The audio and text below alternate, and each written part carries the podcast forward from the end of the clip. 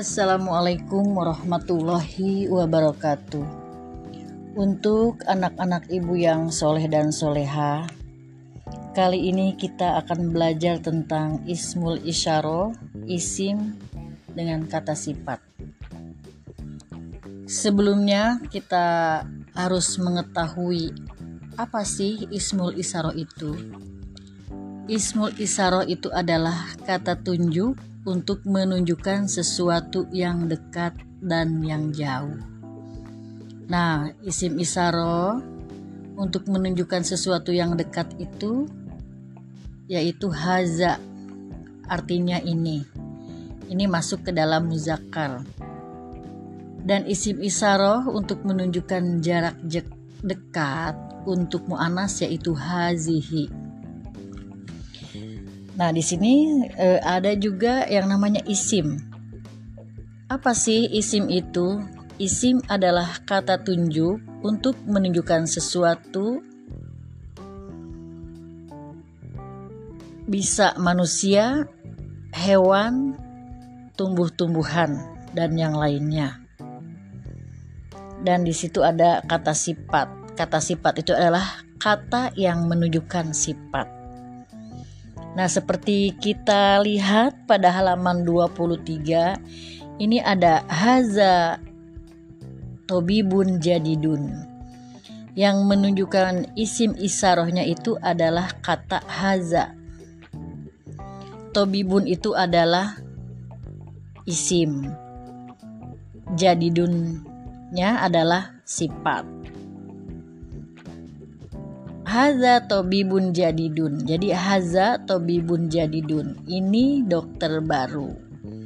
Nah, untuk haza ini adalah isim isaro untuk jarak dekat. Sementara untuk jarak jauh, misalnya kita melihat e, dokter itu jauh, tidak dekat dengan kita, tidak bisa kita pegang misalnya. Berarti zalika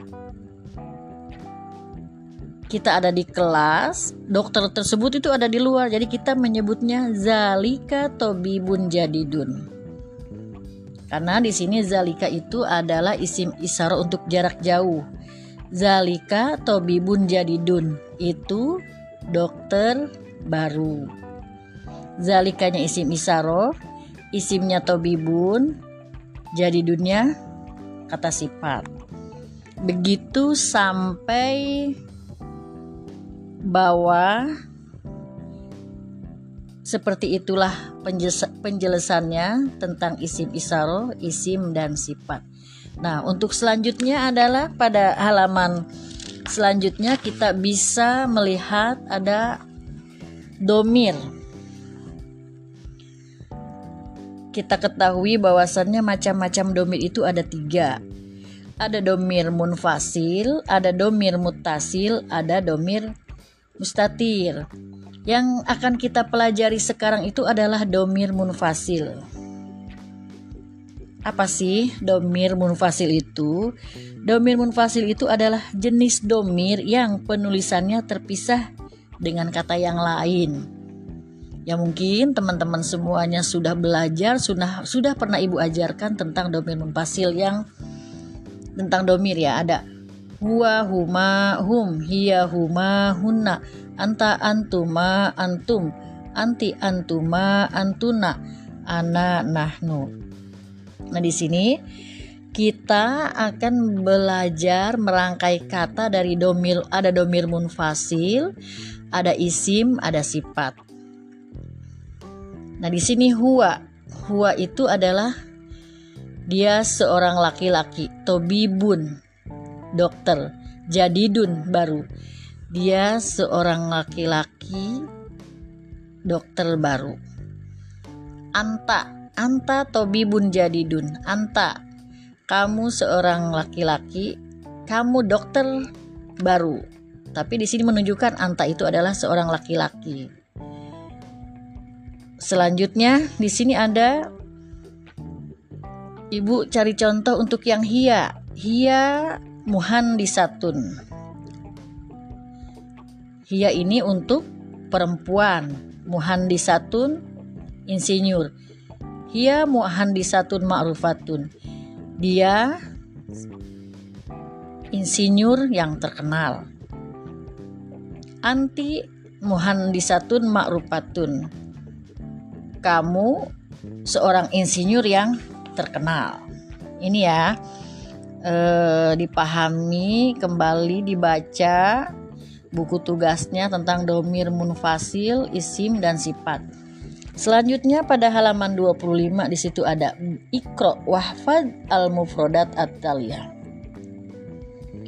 Bacalah dan hafalkan mufradat berikut ini. Di sini juga ada muzakar, ada muannas, ada makna. Di sini contoh untuk muzakar itu tilmizun. Dia seorang uh, tilmizun itu siswa kalau untuk tilmizatun artinya siswi ya. Tajirun pedagang, tajirotun pedagang. Sama-sama pedagang tetapi beda artinya kalau tajirun itu untuk pedagang laki-laki, tajirotun itu untuk pedagang perempuan. Jadi kata tersebut bisa dikatakan mu'anas ketika kita melihat ada tak marbutoh. Kalau muzakar tilmizun tajirun muziun saikun tobibun halakun khayatun toyarun. Ini untuk muzakar, klasifikasi muzakar. Sementara untuk mu'anas, tilmizatun, tajirotun, muzi'atun, saikotun, tobibatun, halakotun, khayatotun, toyarotun. Tilmizatun, siswa perempuan, tajirotun pedagang perempuan, muziatun penyiar perempuan, saikotun sopir perempuan, tobibot tobibatun dokter perempuan, halakotun tukang cukur perempuan, khayatotun penjahit perempuan, toyarotun pilot. Pokoknya yang berkaitan dengan mu'anas itu ada ciri-cirinya adalah tak marbuto. Nah, Ibu cukupkan sampai di sini. Selalu kalian terus semangat dalam belajar bahasa Arabnya. Semoga semuanya menjadi anak yang soleh dan soleha dan diberikan kemudahan dalam belajarnya. Akhirul kalam, Assalamualaikum warahmatullahi wabarakatuh.